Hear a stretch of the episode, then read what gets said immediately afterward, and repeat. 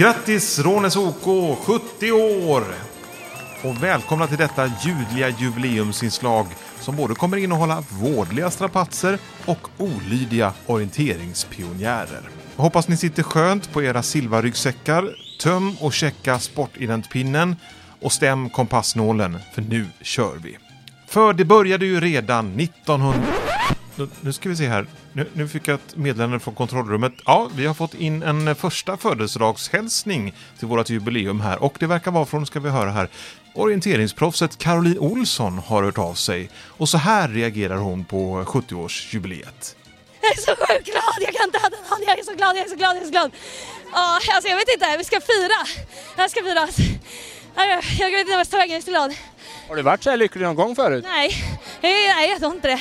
Nej, jag hoppas jag blir det igen, men det här ska jag leva på länge. Ja, fy fasen. Ah!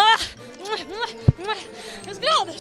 Ja, tack så mycket Caroline. Då kan vi gå vidare här i vårt eh, jubileumsinslag här. Eh, vi ska till orienteringsveteranen och rånäsaren Tage Abrahamsson. Han började orientera 1946, fyra år innan klubben bildades. Och då sprang han för Rånäs IF. Och på den här tiden så såg orienteringskartorna helt annorlunda ut. Ja, det här är backstreckskartor. Det är inga kurvor som det är numera utan ja, höjderna fick man ju läsa in bara ja, det här att det var streck då, åt vilka håll. Och när man kom till en eh, tävling och skulle tävla, vad, vad, vad var det första man fick göra då när man fick kartan? Ja, sen man fått kartan då var det bara att rita i och, och sen sticka iväg då. Och det fanns också små angivelser som man skulle veta var... Ja, den här hade man fått för innan man startade då. Vad står det på den här då? Vill du läsa? Här är första kontrollen. Sydost hur långt bort det var då. Mm. 2600 meter. Och så västra kanten av kärret. 13 meter väst-sydväst i, i hjulsättra. Så fick man leta upp var hjulsättra var någonstans på kartan först då.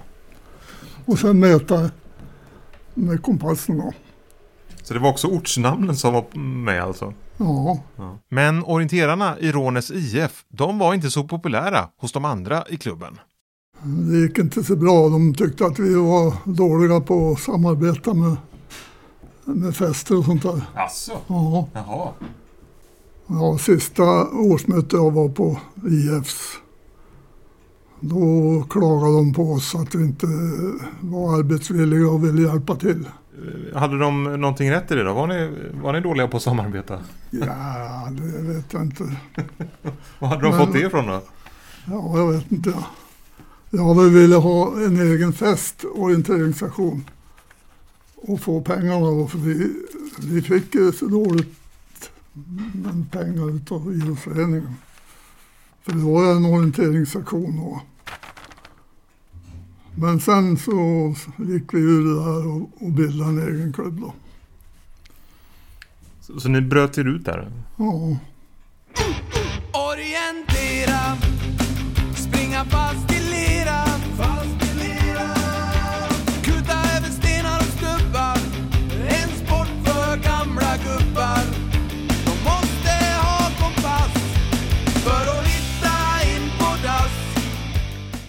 Och vi är nu framme vid år 1950 då klubben bildades. Och klubbkassan, ja, den var inte så mycket att hurra för. Och då hade vi ingen kassa naturligtvis. Så samlade vi ihop lite så vi fick ihop 15 kronor och köpte en eh, kassa och protokollbok. Och 15 kronor var mycket på den tiden. Vet du. Men sen var det också så att ni, ni, ni jobbade ihop pengar till klubben med olika sysslor har jag förstått det som. Vi bröt kvastris och, och till och med skogshuggning. Bara för att få ihop lite pengar. Och sen eh, hade vi pimpeltävlingar. Pimpeltävlingar. Ja. Ja. på sjön då vet du. Och då fick de betala för att vara med där då. Och sen började vi spela bingo.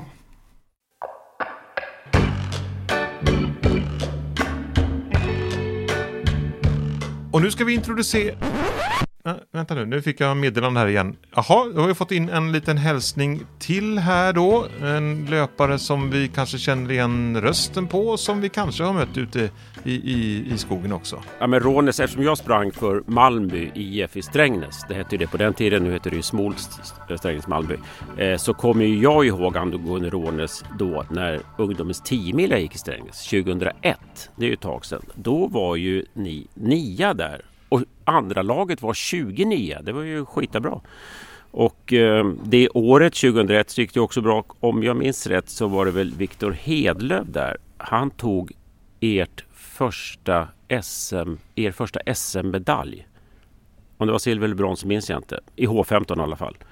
Och eh, bra också det året utav Micke Nordström som hade en bra placering i H16 i, på femdagars. Femdagars det året i Märsta va? Inte så långt från Rånäs. Ja, så var det. Och eh, samma år också, så 2001 tycker jag var ett bra år för Rånäs. Marie Olin där, silver på natten. Var det D? Nej, D18 var det nog. D18. Bra jobbat Rånäs. Tjena med oss, jag heter Dag Malmqvist på Radiosporten. Har jobbat ganska mycket med orientering. Sprang också när jag var ung, det är ju hundra år sedan. Men jag sprang orientering då också. Det var jag som uppfann orientering kan man säga. Har ett bra party nu på 70-årsfesten. Grattis! Tack Dag Malmqvist för den hälsningen. Eh, men vi har fått in en liten rättelse här från sekretariatet. Det är så att andra laget på ungdomens 10 mila år 2001 var faktiskt 27 lag, alltså ännu bättre. Och lycka till nu Dag med radiosportandet och välkommen tillbaka till skogen när det passar.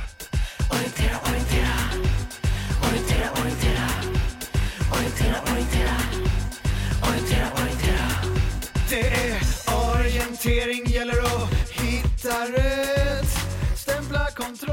Och nu då så ska vi introducera ytterligare en veteran, nämligen Anna-Lisa Högberg. Hon började orientera 1946 hemma vid köksbordet faktiskt, med sina bröder som magistrar. Och eh, sen så var det bara att ta en karta och komma ut i skogen. Och vad, vad lärde de dig vid, vid köksbordet? Då? De lärde mig eh, kompassen och eh, kartan och eh, ta ut riktning. Och sen så talade de om att man måste också stega för att komma rätt. Det var dåliga kartor. Det var hundratusendels, hundratusendels då som jag började på. Ja, Och, och, och, och, dåliga kartor, det var inte så mycket stigar och sånt där Nej, det utmärkt? var, va? aldrig- det var ju svart förstås. Och sen var det ju helt andra, ja. ja så att den, den var svår. Sti, småstigar så fanns det inte, utan körvägar och stigar och, och berg och ja, sånt. Så man kunde se ungefär i alla fall hur bergen såg ut. Och på den här tiden så var det inte så vanligt med bil. Så hur skulle man ta sig ut till tävlingarna? Så fick vi åka lastbil ja, med eh, Carl Otto Holmberg och han var ju väldigt eh, hygglig och, och rolig och han tyckte om att skjutsa oss också. Ni fick alltså åka eh, på lastbilsflak till, Ja, till tävlingar? Ja, vi fick åka på lastbilsflak och uppifrån Rörspinn och då, där kom ju Tage Abrahamsson och några stycken till cyklandes. Så när vi såg dem ganska långt upp, vi såg, jag bodde i Fastarna då och såg dem komma, då var det färdigt för oss att plocka ihop och, och sen så kom ju Kalle och då. Så, ni, så ni hoppade upp på, på lastbilsflaket där? Ja, och, och hela, till... hela, hela klubben satt vi på lastbilsflak och vi hade väldigt roligt. och allra helst när vi åkte dit, för vi åkte hem så var det lite mer dämpat. Men jag vet att det, jag tyck, vi tyckte det var roligt. Ibland så fick jag sitta i hytten också hos Karl Otto där. Men en gång kommer jag ihåg när vi skulle ut och dansa på kvällen hade vi gjort upp om. Men det började regna så att eh, han satte upp en presenning på och det måste ha kommit in avgaser av något slag. Vi blev ju så sjuka. Så att det enda vi kunde göra den kvällen istället för att gå ut och dansa, det var att gå och lägga oss. Så ni höll på att bli ihjälgasade på kuppen? Ja, det, vi blev väldigt illamående och kräkte och huvudvärk. Han hade ju, han hade ju en ganska rasslig lastbil också. Så det hände faktiskt att han fick, att han fick in på verkstaden också. Och den här lastbilen verkar ha varit central på den här tiden. Även för korvgubbarna. Ja, då hade vi en fest i Fastarna först. Och sen skulle vi åka på orientering dagen efter då. Och då var det en kille där som sålde varmkorv. Och då lurade vi med honom att eh, åka med på, på tävlingen, då kan du sälja den. Och då hade han en sån där gryta som man kokade. Och den ramlade kull på flaket. Och korvarna rann ur då. Men det plockade vi bara och, och han sålde alltihopa där på tävlingen. Tack Tage Abrahamsson och Anna-Lisa Högberg för dessa anekdoter. Och nu återstår det för mig, Peter Gropman, att tacka för uppmärksamheten. Ja, ja okej. Ja. Jaha, vi har fått in en hälsning till här innan vi, vi stänger butiken. Hej alla! Detta är Jakob Hård från OK Södertörn och från TV-rutan ibland också. Jag skulle vilja framföra mina varma gratulationer till Rånäs. 70 år med råge, verkligen värt att fira. Och jag hoppas ni får många, många fler roliga, härliga, händelserika, framgångsrika år framöver. Grattis! Så kanske vi ses i skogen framöver.